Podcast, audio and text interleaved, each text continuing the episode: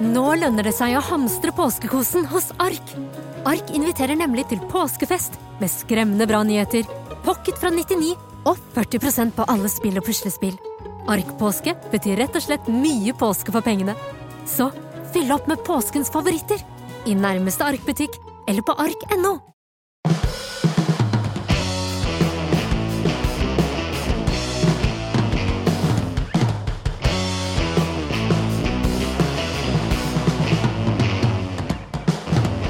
Velkommen til en ny uke med Stormkast. Det har vært en ganske begivenhetsru- begivenhetsrik uke, Petter. Ja, Forrige uke så snakka jeg om at eh, den beste dealen var eh, når jeg hadde to sånne walkaway. Ja. Men Det, det kjenner vi jo ikke til i Storm Communications. nei. Vi, eh, vi har jo kjøpt et, eh, et eh, oppstartsselskap. Du og jeg og våre partnere Kruse Larsen og Morris Parman. Det er jo kjempegøy. Et selskap som heter PVM, som vi har nå omdøpt til Storm 1 til 1. Veldig spennende selskap med en eh, kul teknologi. Så nå gjelder det bare å få det til å bli en kjempebusiness. Ja, Rent bortsett fra at, selvfølgelig at vi betalte altfor mye, så syns jeg det mest fascinerende ved det, det er det der å personifisere ting. Ja. Jeg kan snakke til én ansatt som om jeg snakker til han personlig. Og det, Og det er, sånn, det er det jeg alltid drømmer om. Hvordan kan jeg snakke til 16 000 mennesker, sånn at de føler det kommer rett fra meg? en til Hei, en. Per. Det, dette er det jeg jobber med nå. Ja. Dette er det som er viktig for meg. Ja. Jeg vet at du Så man kan tilpasse budskapet Hvis du jobber i den avdelingen, er så er budskapet knytta til den avdelingen personen jobber i. Er veldig kul teknologi. Tente på det, og det er jo farlig når du skal gjøre en deal. Tenner du på noe, så er det ofte også for å betale litt mye, og det gjorde vi. Vi, Men vi bra. brukte litt for mye penger på det, kanskje, men, Ja. det, men det kommer til å bli kjempebra. Og så har jo du vært på NHOs uh, reiselivskonferanse denne uken. Fikk eh, hederspris og konfetti og smell og greier. Hvor gammel er du, Petter? Det, det, vi, Er det jeg, har, jeg, jeg har i hvert fall fått det der Jeg har fått forsiden allerede i magasinet eh, 55 pluss. Ja, du er langt forbi vi i Villa-målgruppen, du. du Nei, er- 100%. er men er det, er det litt sånn blanda følelse å få en hederspris i en alder av 57 år? Eh, Så var alternativet det er å ikke få den. Så jeg tar imot alle de prisene jeg får. Jeg er superfornøyd. Eh, Så, men viktigst når du eh, Ja, et, det er sånn De fleste som får hederspris, jeg er enig, de er 75. Ja. ja. Men jeg må innrømme, i en alder av 56 Aldri følt meg mer sånn on top of my game. Ja. Og jeg vet bare innom at de ti neste årene blir de ti beste i livet mitt. Så det du må gjøre, Fordi- er jo å gå for den eneste som som Nei, nå skulle jeg si hva du Ja, må gjøre. Okay. Ja, det er jo, og det- du må gå for den eneste som har fått hedersprisen to ganger. Nei, det, det, det, det, det altså selv Olav Thon, og han er, er jo 114 Ja. Eh, Nei, han er 90 Han er 96, 80, tror jeg. 96. Ja. Men han skal gifte seg nå! Han skal det. Men se der! 96, og du gifter deg. Ja. Ja, men da har du trua, liksom. Da har du trua. Ja. Og, eh, og dama hans er 80 eller noe. Men eh, du tok jo et lite oppgjør med Erna Solberg da du eh, tok Men, eh, stokken din opp på scenen og, og Ja, takket for rullatoren, Og takket for denne hedersprisen. Eh, Jeg skjøv rullatoren til side og smukka til. Nei, det var ikke noe oppgjør mot Erna. Det var at de skal heve momsen i reiselivsbransjen fra 12, eh, som er lav sats, til 25. Mm. Som er satsen alle andre har. Mange har. Men du i mediebransjen har det ikke. Nei. De burde ha det, de òg. Ja, ja. Det er mye, mange, mange ting man burde ha. Mm. Men nå er det nå en gang sånn at det har vært sånn i mange år, og problemet er vi har en bransje med svak lønnsomhet. Dette rammer ikke meg så mye, men det kommer til å ramme distriktene. Kommer, for de må legge på prisen, og det er sensitivt. Vi kommer til å få færre turister, færre investeringer. Men det jeg sa, var Jeg har investert ca. 4 milliarder i et lite område i Oslo nå. Hadde jeg Altså, det er basert på at, du har, at forutsetninger og forutsigbarhet er viktig. Det er viktig i business. Og hvorfor er de nordiske landene bra? Fordi du kan stole på dem, det er forutsigbart. Men det blir uforutsigbart hvis du plutselig får en sånn ting dyttende inn fra den eh, ene fredagen til mandagen, liksom. Og øke fra 12% på fredag til eh, Ja. 25% på Og det, det endrer alle regnestykkene, og det tror jeg da mister Da tar bort lyst og vilje til å investere, og det er det jeg er redd for. For det er lett å flytte investeringer.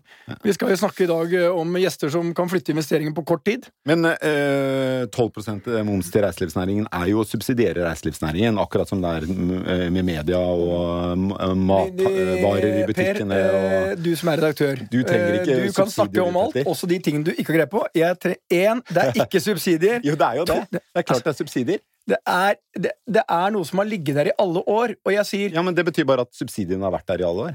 Nei, det er, eh, det er ikke subsidier når du betaler toll, og de sier du skal betale begge deler. Er økning 25. av avgiften. Ja. Ja, Det er ikke subsidie. Det, er, det fører til overetablering i den bransjen som har lavere moms enn i andre bransjer, som eh, blir underetablert fordi de har en høyere moms. Vi har en podkast, og dette er avdelingen for. Per eh, resonnerer rundt ting han overhodet ikke har greie på. Så jeg foreslår at vi går videre, og jeg bruker et gammelt triks.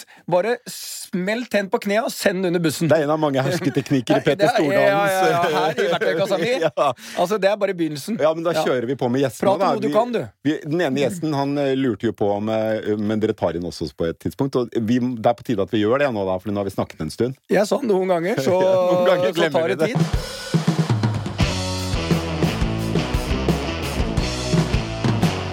Tusen takk skal dere ha for at dere kommer i studio. Nina Jensen, CEO i Rev Ocean, velkommen. Tusen takk. Rev Ocean er jo Kjell Inge Røkkes satsing på dette forskningsskipet og mye annet. Vi kan komme litt mer tilbake til det, men eh, det er veldig kult å ha deg her. Jeg liker at du kaller det forskningsskip. Jeg har sett bilde av det. Ja, det er jo mye er- Vi kan kalle det mye, men vi, vi, Vi kommer tilbake til det. ja, nå må vi ikke glemme han som var bekymret at vi glemte ham. Eh, Nei, det er riktig. Nemlig Henning Kristoffersen, Henning Kristoffersen som er eh, direktør for internasjonale relasjoner ved Handelshøyskolen BI. Velkommen til deg også, Henning. Takk skal du ha, du. Eh, da er dere husket. Da kan vi gå videre til å snakke om moms, Petter. Eller skal vi snakke Nei. om det vi skulle ha snakket om i dag? Nei, nei, nei vi, i dag, Nå skal vi prate om eh, handelskrig. Ja, handelskrig det, var, det verste overgang, altså, for den der fra 12 til 15. Det er jo det vår venn i USA har gjort Ja. eh, med tollavgiftene. Og det er klart, legitimt eller ikke, det blir, det blir veldig uforutsigbart Ja, det når du plutselig det. går fra 12 til 15. Men apropos ufin start å ta Per så hardt. Det er liksom, det er, det er, Nei, det var er ikke å ta- det var ikke å ta Per hardt. Det er en takling høyt oppe på kne. Nei, nei, det, det, det der er hersketeknikk nummer to i Petters Jeg liker Henning allerede. eh. Ja. Du, jeg må rette opp én ting. Jeg, jeg er ikke sånn dere, flott direktør på B lenger. Er du ikke det? Nei, da Har du fått sparken? sparken? ja, det er jo lenge siden jeg fikk sparken. Er Der. Jeg pleier å få sparken, men nå er jeg, nå er jeg, nå er jeg fortsatt eh, antropolog, og jeg holder masse foredrag på B og sånn for noen strålende studenter, men jeg, bare, bare rett skal være rett. ja, rett skal være rett, Ja, ja. selv i dette studioet hvor Selv her. Ja, Selv hva her. er forskjellen på antropolog og sosialantropolog? Du, det er egentlig ikke noe forskjell. Okay. Nei, nei. Vi, bare, vi gjør det så enkelt. Men hva, er en, sosial, hva er en sosialantropolog? Det er jo en som da studerer hvordan eh, mennesker eh, oppfører seg overfor hverandre i eh, en kultur. Og hvordan synes du- hvordan- Psykolog, da går du liksom inn i Ja, deg, og antropologi, da går du liksom litt mellom mennesker, da. ja, nå hadde ikke jeg tenkt å ta oss to. Jeg hadde tenkt sånn, Som en sosialantropolog, hva er analysen din av Donald Trump? Å, gud hjelpe meg. Da, da skulle jeg ønske jeg heller var psykolog, da. faktisk, hvis jeg ja. skulle ta en analyse. Både. Nina og jeg vi har jo bedt til Gud mange ganger, selv om vi sannsynligvis er agnostikere begge to. Men uh, han hjelper dessverre ikke. Så antropologen må er, det, smelle til. det som er interessant med, med Trump, er jo at han, eh, han liker å være den store eh, deal, eh, deal-mannen. Um, men eh, jeg må jo si det da, til hans eh, forsvar her, at han er jo den første presidenten som, som Beijing liksom eh, har fått noe å bryne seg på. Eh, de, de foregående har jo vært lette å håndtere, så det skal han jo ha.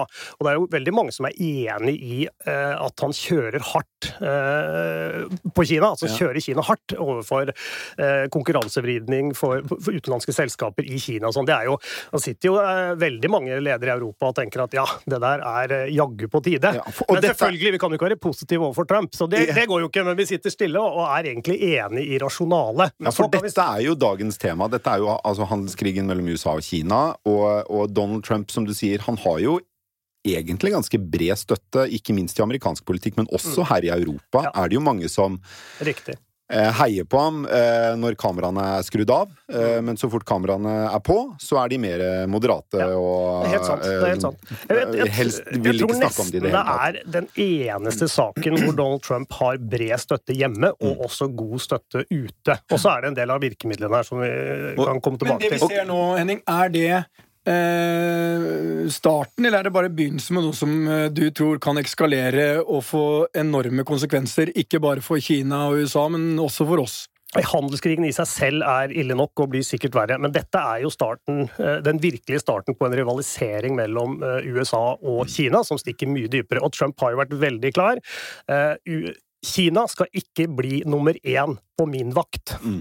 Eh, Det hadde de blitt hvis Hillary Clinton hadde blitt eh, president. Så, så han er ganske klar nå på at eh, han skal bremse Kinas fremvekst. Han vil ikke at Kina skal ta førersetet. Og det har jo eh, selvfølgelig Washington fryktet lenge, men nå har det jo gått opp for verden at det kan jo faktisk skje ganske fort. At Kina blir eh, Og hvorfor har han så bred støtte for det? det, dette handler jo om at eller for Da Kina gikk inn i WTO i 2001, så var liksom rasjonalet fra Vesten at hvis vi slipper Kina inn i alle de eh, globale institusjonene, mer handel, eh, mer samkvem, nei, ja, nettopp, så blir de eh, mer som oss, for å si det enkelt. Da får de en utvikling mot eh, demokrati, mot ytringsfrihet. Altså ikke bare eh, eh, reformer i forhold til økonomi og handel, men også politisk. Og nå er vi, etter presidenten som sitter her nå, Xi Jinping, han har vært der i seks år, nå er alle helt sikre på at Kina velger sin egen vei. De går ikke den veien man har trodd.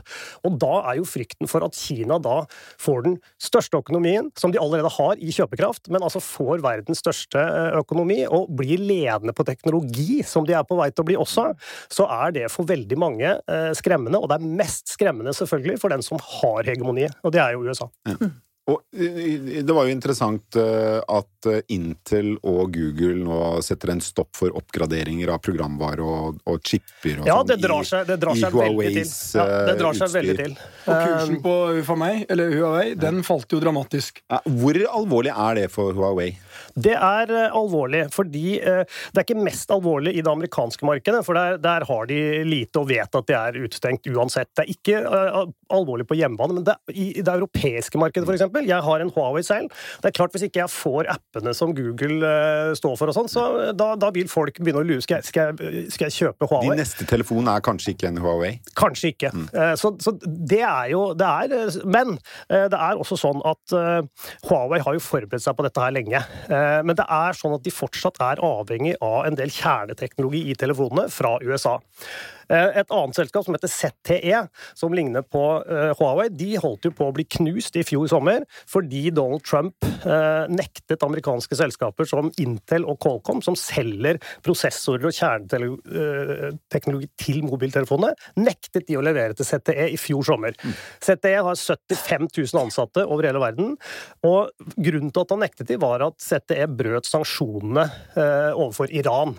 Og da gjør Trump det, og da var det selskapet eh, altså, en centimeter fra å gå over ende, eh, fordi at ikke de fikk disse delene fra eh, USA.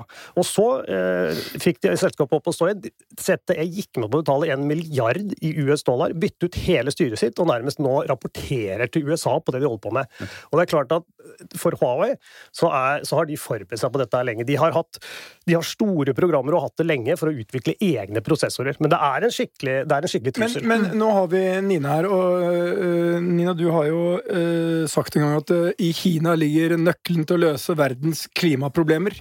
Nå har vi da en Kina-ekspert, undervist ved universitetet i Shanghai, som er basically litt Kina, det òg. hva tenker du liksom Hva var bakgrunnen for at du sa det? Altså, jeg tenker Kina er et av de mest spennende landene i verden, eh, og som har hatt en eh, eksepsjonell eh, utvikling over de siste årene, og eh, særlig under eh, Xi Jinpings ledelse. Løftet millioner av mennesker ut av fattigdom, satser virkelig tungt på, på både klima og andre miljøspørsmål, og har masse spennende ny teknologi, enten det er innenfor elektrifisering, nullutslippsløsninger, vannrensing og andre ting. Og de har jo et kanskje mer presserende behov enn det veldig mange andre har, fordi det går på liv og helse løs eh, for innbyggerne, og ikke minst familiemedlemmer til sentrale folk i regjeringen, og da blir det jo Ja, en Beijing er jo automatikk et, i å øh, handle. eh, Beijing er jo visstnok et sånt helvete på de verste dagene. Virkelig. ja. Virkelig. Og det gjør jo at man eh, får litt mer fortgang i politiske prosesser, og det er klart styresettet i eh, Kina gjør jo at man kan ta litt eh, kjappere beslutninger. Som at de har beslutninger. bedre enn det man- forutsetninger enn eh, et demokrati som Norge for å gjøre store endringer. Ja, absolutt. Vi ser jo hvor vanskelig det er å gjøre endringer her hjemme. Se bare på bompengeopprøret som, som kommer nå. Ikke Det er en helt, Altså, det kan bli en egen eh, podkast. Jo. Det blir ikke eh, bompengeopprør i Beijing, altså. Nei. Nei, og det er, det er jo noe med det, så derfor så mener jeg at vi på mange måter skal skal være ekstremt takknemlige for det eh, Kina nå gjør. Men, Gjør Kina mye? Kina gjør masse. Hva gjør de Eh, og dette store nye initiativet eh, um, One Belt, One Road Mm. eh, er jo sinnssykt spennende i forhold til å det sånn moderne silkevei? Ja, på en måte.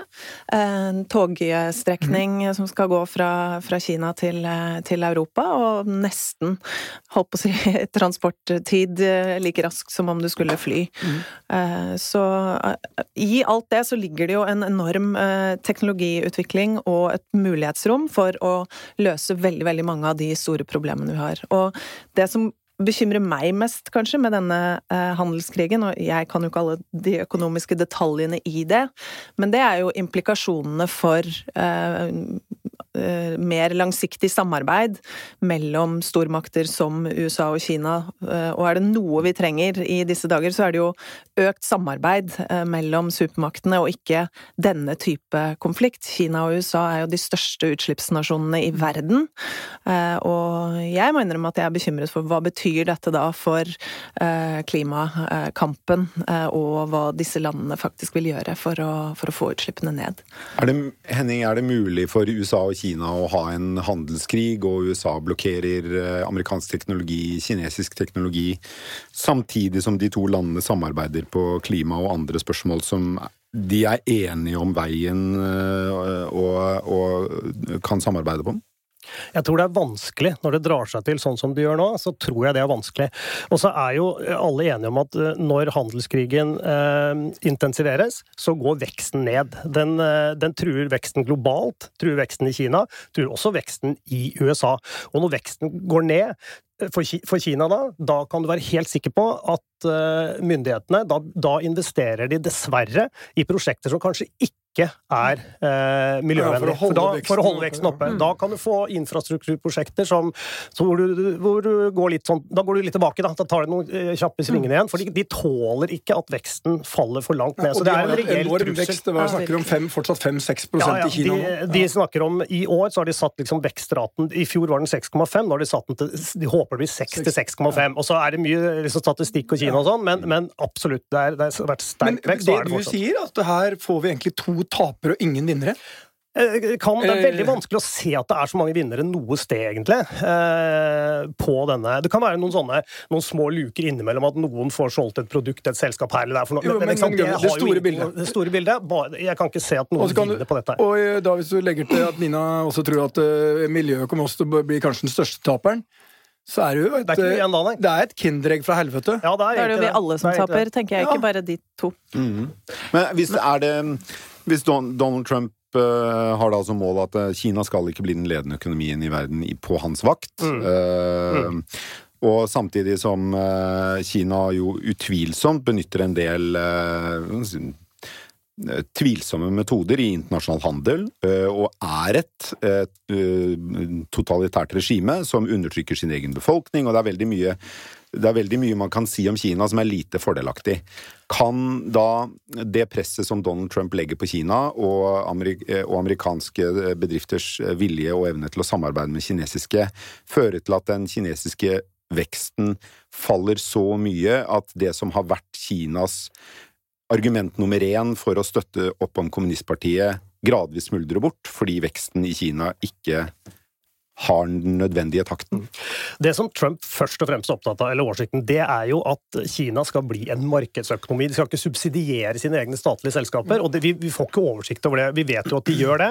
Det gjør at de vinner anbud rundt omkring i hele verden. Og så vet vi ikke egentlig koblingen til, til myndighetene. Og så er det at det blir en markedsøkonomi på hjemmebane, så amerikanske og europeiske selskaper får like betingelser som kinesiske. Det er det han er mest opptatt av. Og så er det selvfølgelig det å, å demme opp for Kina eh, teknologisk. Han, eh, han bryr seg jo rett og slett ikke om miljø. Donald Trump han, han eh, satser jo på kullindustri eh, i USA, så han bryr seg rett og slett ikke om eh, miljø. Og det er jo eh, så det er jo egentlig bare tragisk. Um, men det er også det å si ikke sant? Jeg, jeg pleier alltid å snakke om Kina som mer eller mindre autoritære. eh, og, og bruke, jeg pleier ikke å bruke sånn totalitær og diktatur og sånn, for det, det er Men det er jo det. ja, jeg mener ikke det, da. Jeg mener Det er veldig begrensende for vår nysgjerrighet i forhold til å forstå Kina. Men hvor mange partier Kina. er det i Kina? Ja, men eh, det er ett parti Ja. i Kina. Men hvis Hvordan går det med uigurene jo, men i hvis Kina? du ser på alt, alt det der er, altså Det er ikke Ja. vanskelig å være enig om at det er mye som ikke er sånn som det Men det skulle være er i jo et Kina. diktatur. Jeg føler Ja, jeg er det er uenig- sånn, jeg er uenig, da, kan Men det er bare, eh, bare, bare. Jeg er uenig, uenig, det er- det er det er muslimer altså, som blir undertrykt og Ja. eh, satt i interneringsleirer. Ja. Eh, og for øvrig så har jeg vært da i Urumqi, eh, som er et av hovedstedene for eh, muslimene. Men du, er da, du mener Ja, at jeg mener, Kina er, veldig, ikke et veldig, jeg mener at det er veldig, veldig begrensende å bare sette merkelampen diktatur og totalitært på Kina. Eh, Hva, hva skal Ja, du men man liksom kan jo si at Kina er kalle, mer hva skal du men- kalle Nord-Korea hvis eh, Kina er totalitært og et diktatur? Fordi at jeg, jeg følger deg helt i forhold til hvordan de behandler opposisjonelle, uh, uigurer. Uh, mye av Kinas uh, altså Ikke minst hvordan det er å være opposisjonell i Kina nå. Det har jo knapt vært vanskeligere på, på mange tiår. Men samtidig, når du er i Kina, eh, så ser du også folk som lever helt vanlig hverdagsliv, har all den friheten de ønsker, men de har ikke den politiske friheten. Så ja, styresett, ett parti, jernhånden til presidenten. Da kan vi snakke om at ja, det minner om et diktatur og det totalitære, men det kan, for men, hele- men det kan hende det er litt det- flis, det- det kan hende, men, det kan hende det er litt flisespekking, Henning, men, men du sier de har ikke politisk frihet, og i, i mitt hode, og jeg tror i de Ja. fleste, så er fravær av politisk frihet identisk Ja, men med det et mener, diktatur. jeg, det mener jeg ikke er riktig, da, fordi at eh, du må også ta med friheten i hverdagslivet til Men folk. har Og når du snakker om totalitært, så får du veldig fort bilde at da er, da er liksom alle ja, et spørsmål da. i, har ingen vi har frihet i hverdagen. jo, da. for en tid tilbake så skulle kinesiske myndigheter introdusere et system hvor du skulle få poeng hvis du gjorde alle de rette tingene, og, eller om du fikk minuspoeng eller plusspoeng. Og hvis du liksom eh, fikk dårlig score på den skalaen, så ville du ikke få rett til å gå på de rette skolene, du ville ikke bo på de rette stedene, og det Hvordan Altså, det er jo veldig spesielt. Det er veldig spesielt. Ja. Og det er, mener jeg, det er det villeste prosjektet som skjer i verden i dag. Og det Ja. burde studeres mye mer. Det er et testprosjekt frem til 2020. Og det er, som du sier, det er, det er et sosialt poengsystem. Og allerede nå eh, så har noe sånt som 11 millioner kinesere blitt nektet å reise. Nettopp. fordi, fordi, de ikke har nok poeng. Ja. Så da er du inne i den. Absolutt. Jeg sier at det, det er ikke vanskelig å finne totalitære trekk i Kina, men jeg mener at Men jeg er de- de redd for de eksperimentene det er jeg sier, de eksperimentene er sånn er helt spesielle. Og jeg hadde jeg bodd i Kina Jeg hadde ikke engang Jeg måtte jo bodd under en eh, benk i parken. Jeg hadde, hatt, jeg hadde hatt null poeng, jeg. Per, du hadde jo du hadde hatt noen poeng. Ja, Du nei, hadde, du hadde tilpassa deg. Ja. nei, men vi kan jo Du hadde bodd i fine leiligheter. Ja, men du, Mitt poeng er bare at vi mangler egentlig gode begreper for å forklare hva Kina er. For det er Vi må eh, Og gå det er, fra er litt Kina eh, morsommere til, å være eh, nysgjerrig på det. Ja, vi må gå fra Kina til cruisebransjen. Nei, ikke cruisebransjen. Til, eh, til Ja, men jeg jeg, jeg, snakka om rev. Eh, Det var ikke cruisebransjen, men ja. forskningsskip. Eh, Men eh, eh, Og det er jo neste tema. Det er hav, Ja. havnæringer og Eller eh, ja, havnæringer. Hav Bærekraft. Hav, hav og sånn. og sånn, ja. Ja, og der er jo helt fascinerende at uh, fiskeren, øh, altså Kjell Inge Røkke, han uh, bestemte seg jo for å bygge verdens største sånn forskningsskip. Men når du ser bilde av det eh, Så er det jo et superfett skip. Altså, jeg ser for meg fiskeren sitter der sånn, og det er Men jeg bare Hvor mange sånne svære suiter er det der for forskerne? Altså, det er jo minst like mange rom for forskerne som det er for andre gjester. Eh, Men det er jo ikke noen tvil om at dette er eh, et ekstremt luksuriøst eh, forskningsskip. Så det er litt sånn James Bond meets science. Ja, det er helt vilt. Eh, og jeg skal innrømme at eh, når jeg begynte å jobbe med dette, så var jo eh, den såkalte yacht-delen av dette skipet mm. noe som fikk det til å vri seg litt i, i magen på meg. Samtidig som nå som jeg har jobbet med dette prosjektet over noen år, så er det kanskje den delen som gjør meg mest entusiastisk. Fordi Og grunnen til det er at altså det er store miljøutfordringer i havet. Skal vi klare å løse disse, så trengs det en kraftig oppskalering av tilgjengelige midler. Den eneste måten å få tilgang på de midlene eh, på, er å øke andelen filantropi, altså rike mennesker som gir til gode prosjekter, eh, kraftig. I dag så er det under 1% av global filantropi som går til eh, havet. Dette skipet, eh, når det ikke eh, Det koster 4 milliarder? 5 milliarder? Å leie det, Nei, og hva koster det å bygge det? og det vet vi foreløpig ikke. Det blir- kostnadsbildet vi skal bare ha et er, Blir fort fem milliarder, tenker jeg. Kjenner jeg fiskeren rett? Han eh, sparer jo ikke på gulvbelegget. Det blir utvilsomt et uh, kostbart skip. Ja, for det er ikke linoleum på gulvet på dette skipet, tror jeg. Jeg, Noen steder så er det Ja, i hvert fall miljøvennlig eh, linoleum. eh, Men, eh, Men jeg- to tredjedeler av tiden så skal det jo brukes til forskning og ekspedisjoner. Men en tredjedel skal det leies ut. Og da får man jo forhåpentligvis disse rike eh, filantropene om bord, eh, kjendiser og andre, som da kan treffe forskerne, forstå hva miljøproblemene er. Og forhåpentligvis ønske å engasjere seg i det, Hva- og få økt givergrad. og det er jo verdens beste mulighet for å kunne invitere alle politikere og maktmennesker helt legitimt om bord uten at de får kritikk. Ja, absolutt. papp, papp, papp, lande på. Det har Men- to helikopterdekk, og det ser jo med ubåt og Altså, jeg Det er ikke den ting som ikke er om bord på dette skipet. Hva- jeg må hva er si det- en ting hva til, det- til Kjell Inge. Sånn. Jeg, jeg har jo prata med noen ganger, og han er altså helt genuint opptatt av hvordan vi skal ta ut mer eh, proteiner av havene, og det krill-prosjektet hans. Og de der, Jeg fikk jo med en hel eh, sånn boks med sånne piller. Da vi hadde Mats Johansen ja. her i studio. Ja, altså, det, så så han, han skal ha det. Han er genuint opptatt, og han har også underskrevet den der The Pledge, tror jeg. hvis ikke jeg tar Ja, han er den eneste i Norden som Ja. er med i Bill Gates sitt Giving Pledge, der man forplikter seg til å gi bort mer enn 50% av formuen til gode formål. Og, Og hans primære formål er da havet. Så alle vi som bryr oss om havet, burde jo prise oss lykkelige for at han faktisk gjør det. Og jeg mener, i Norge så har vi over 300 milliardærer. Det er ingen som stiller spørsmålstegn ved hva de andre 300 gjør, men man stiller mye spørsmålstegn ved hva Kjell Inge Røkke gjør. Men til, øh, dette forskningsskipet, hva er det det skal forske på?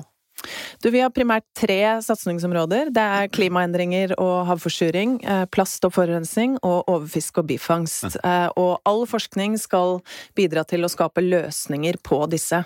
Forskerne, eh, som vil komme fra over hele verden, vil få lov til å komme om bord gratis. Eh, Og jobbe sammen med eh, teknologer, entreprenører, matematikere, eh, mediefolk, kunstnere og andre for å komme opp med nye, eh, spennende løsninger på disse problemene. Så, eh, klima, eh, plast og eh, overfiskeproblematikk og eh, Riktig. hva man eh, tar ut av havet. Ja. Ja.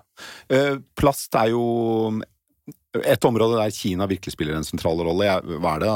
Er det 60 eller 70% av all plast i havene som, som renner ut av eh, noen få elver i Kina? Eh, Ja, nei, det er nok ikke helt riktig, men det, Ikke? det er litt sånn feilsitert eh, artikkel. Men det er eh, mye av Men- eh, plasten Nå må redaktøren forsvare seg. plast som Nei, nei, nei, nei. kommer fra Pet- elver, kommer ja. derifra. meg Men det kommer plast fra andre Ja, kilder. nettopp. Ja. Include me out i dette. Nei, nei, jeg skulle bare si at Petro er faste leverandører av omtrentligheter som senere må Ja, rettes opp. Men, Men eh, jeg tenker en mye større utfordring er jo at land som, eh, som Norge og andre eksporterer veldig mye av eh, søpla vår til land som overhodet ikke har avfallshåndteringssystemer. Og så gjør vi litt sånn, så Vasker er, våre hender og- ja, så er vi kjempefornøyd, og så er det liksom det er noen andre som Nei, forurenser. vi produserer det først i Kina, så kan de forurense på fabrikken, og så sender vi skiten tilbake til ja. altså, Men Henning, det er Ja, genialt. det var jo en boikott av Kina og Norge. Nå er vi tilbake med litt bedre relasjoner. Ja, vi er det. Um, og det betyr mye også for eh, fiskeeksporten, og selv om mye av laksen nå, den uh, dauer jo. Akkurat øh, det jo lest ja, det er jo en sånn forferdelig algegift som får øh, laksen i ganske mange laksemærer i Nord-Norge til å dø på sekunder. Så plutselig dør hele, hele mæra. Det er jo forferdelig. En dramatisk situasjon. Ja, er det noe som er klimarelatert? Denne algegiften? Nei, i utgangspunktet så er det vel ikke det. Det kan være en medvirkende faktor, men algeoppblomstringer har man jo hatt eh, til enhver tid. Så dette er mer sånn er naturen? Det, det kan skje. Mm. Eh, Men, eh, men det er ikke noen tvil om at det er dramatisk og alvorlig. Mm. Eh, Så altså, all aktivitet som foregår i havet, må jo i økende grad eh, både forstå og operere på havets premisser. Ja.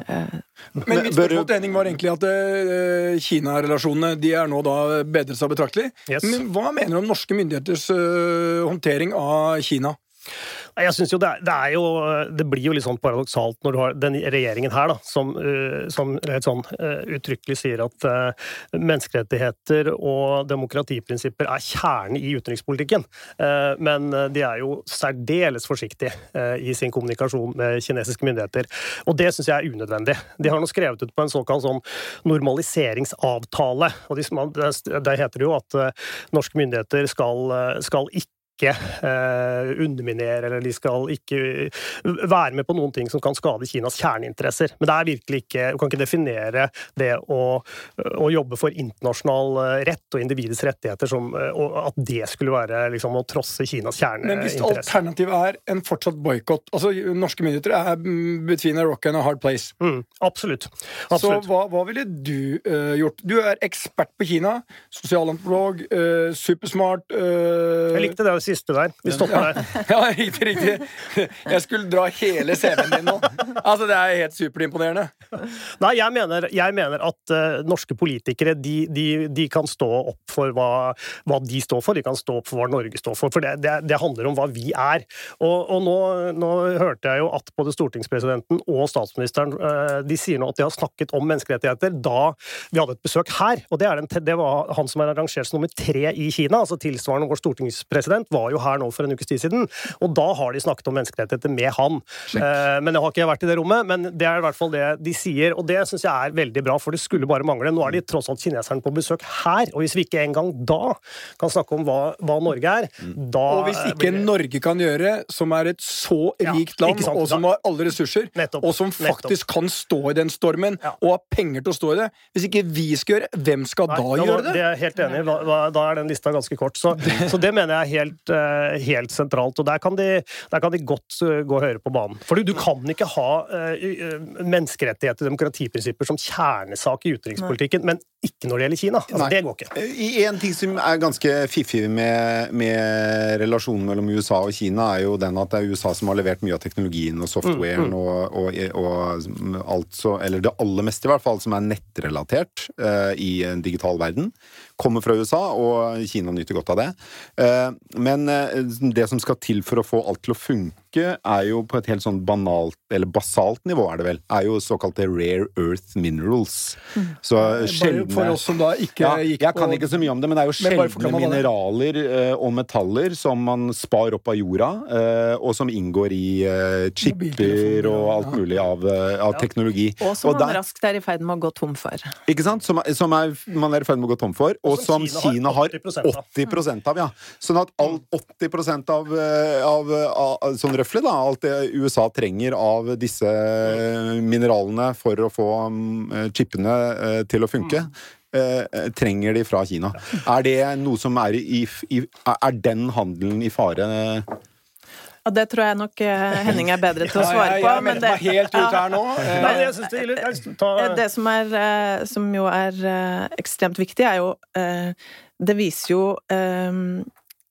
det geniale ved Kina, evnen til virkelig langtidsplanlegging, og det at de har sikret seg tilgang på alle disse ressursene, mens resten av verden på mange måter har sovet. Det er jo ganske interessant. Eh, samtidig så vil jo det også potensielt føre til nye miljøproblemer, ettersom jakten etter disse mineralene vil skalere raskt opp, og nå ser man jo for, for seg et sånt dypvannsbonanza, der man skal begynne ja. med gullgraving og mineralleting i alle verdens eh, havdyp, uten at man aner noen ting om ja. Konsekvensene. Fordi det er en teori om at det kan være en del rare earth minerals i, ja, på havdypet. Det er jo ikke noe å lure på. Nei. Mm. Og sånn at eh, hvis vi da eh, Hvis konflikten mellom USA og Kina eskalerer, og tilgangen på disse mineralene trues, så kan det fremskynde eh, jakten på disse mineralene på havdypet uten at vi kjenner til de økologiske konsekvensene av det. Ja. Og så illustrerer det jo egentlig hvor vanskelig denne handelskrigen er, hvor innvevd disse økonomiene er i hverandre. Det er fryktelig vanskelig for USA å finne på noe som bare skader Kina, og ikke dem selv. Og vice versa, ikke sant? De har på en måte, på godt norsk, balletak på hverandre. Det er som medisiner, jo... ingen virkning uten bivirkning. Nei, ikke sant? Men jeg har et, Nina, så, hvis du hadde nå pratet mye om Kina mm. La oss si at jeg gir deg helt sånn kinesisk enevelde Eh, du kan både være Du er liksom på ett og samme tid så er det både stortingspresident, statsminister, ett til på S, sjaman i alt du kan. Jeg, jeg måtte ha tre på S. Du måtte ha en alliterasjon. Ja, ja, ja, jeg måtte ha liksom tre på S. Stortingspresident, statsminister og Stordalen. Ja, nei, men, dette, dette var ikke poenget. Poenget er jeg gir deg all makt. Du er den eneveldige herskeren. Hva ville du gjort um, for sjømatnæringen i Norge? Ville du, du kan gjøre tre ting, og de blir gjennomført direkte Ditt ord er lov. Nina sier. Altså, Hva ville jeg gjort i Norge for sjømatnæringen? Altså, du sitter i Norge og kan bestemme alt. Du har 8000 milliarder eh, i oljefondet. Du har alt! Da eh, vil jeg jo, fordi jeg har jo selvfølgelig litt eh, eh andre motiver eh, i tillegg, vi eh, så ville vil jeg jo eh, satse Smelt, på nye, motivene. spennende eh, produksjonsformer innenfor havbruksnæringen. særlig på såkalt lavere trofiske nivåer, altså alt fra alger og, og oppover. som ikke bare kan løse eh, mattilgang og den utfordringen, men som kan være spennende for en, et vell av andre typer næringer. Enten det er medisin, det er kosmetikk, det kan være biodrivstoff, eh, og det har potensielt en bonuseffekt med at det kan løse klimaendringer eh, eller eh, CO2-opptak i havet og havforsuring. Så det er det ene. Oppdrett av andre livsformer i havet enn laks. Ja, absolutt. Ja, Eh, og så- og satset eh, Nå har du brukt bitte litt penger. Du har mye å gå på her nå. Ja, og så vil jeg eh, ha investert i ny eh, teknologi for eh, mer bærekraftig høsting av eh, havressurser, eh, og eh, sikret bedre internasjonale eh, avtaler med eh, ulike land der vi f.eks. deler eh, fiskebestander. Det, der hjelper riktignok ikke penger eh, så veldig mye, det er eh, politikk eh, som, eh, som hjelper. Men det er klart, i, eh, i utenrikspolitikken så skader du aldri med å krydre et godt eh, samarbeidsforhold med investeringer i eh, ulike Så det handler om å da eh, stanse mye av den overfisket som skjer i ikke-regulerte havområder, eller? Absolutt. Ja. Eh, Stanse, stanse eller redusere det, og ikke minst bidra til eh, kamp mot ulovlig fiske, som kanskje er en av de største eh, truslene mot fiskebestander globalt. Det hjelper okay. jo ikke nødvendigvis fiskenæringen eh, eller sjømatnæringen i Norge eh, så mye, men, eh, men eh, Men du er jo allmektig, så du må liksom Ja, ja. ta det større bildet, du.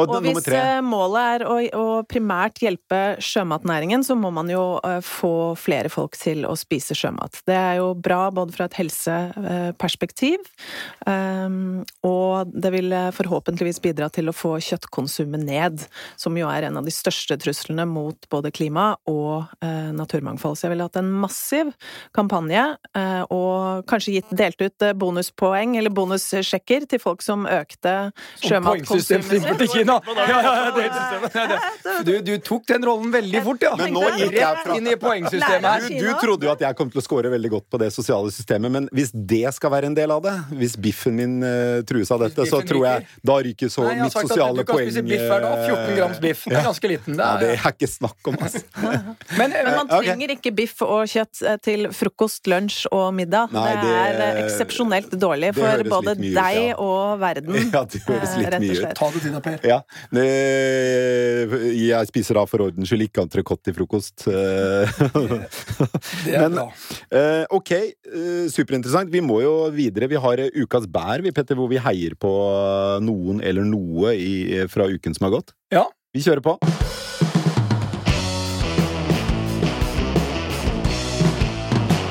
Ok, Petter. Denne uka så uh, leste vi om Rabia Musavi, som uh, har ikke etnisk norsk bakgrunn, men hun føler seg norsk som noen, så hun hadde lyst til å gå med bunad på 17. mai.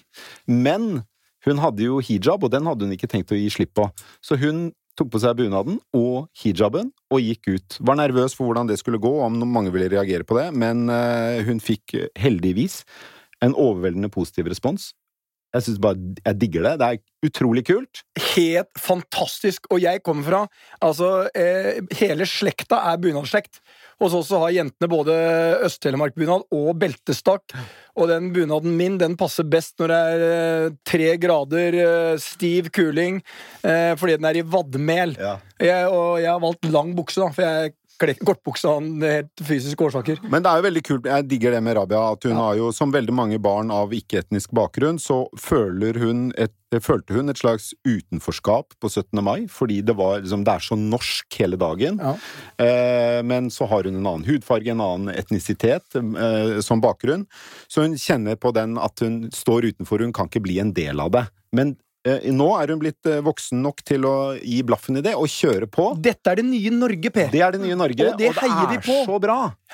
Mangfold og mot og være seg selv og ta inn over seg liksom tradisjoner, men på egen måte. Det er så bra. jeg- jeg skal bare si, de der, Den eh, delegasjonen vi snakket om, det var 20 veldig høytstående kinesere her. Og de fikk jo protester foran Stortinget og sånn, ikke sant? Selvfølgelig overfor den, det, vi, det de driver med i, i Xinjiang og menneskerettigheter og alt mulig.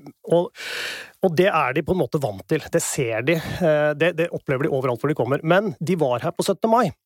Og det tror jeg virkelig gjør et uslettelig inntrykk. Å stå der og se på det mangfoldet som du ser i Norge på den dagen, det er liksom det, det tror jeg er kanskje For å lære noe om vår kultur og i, hva som skjer her, så tror jeg kanskje det har vel så mye å si. Altså å se noen med hijab og bunad. Ganske langt fra militærparader Det er og ganske langt fra hanemars og militærparader. eh, ja. Så det er jeg overbevist om at de snakker om når de sitter på flyet. Det er sånn derre altså. show don't tell. Ja.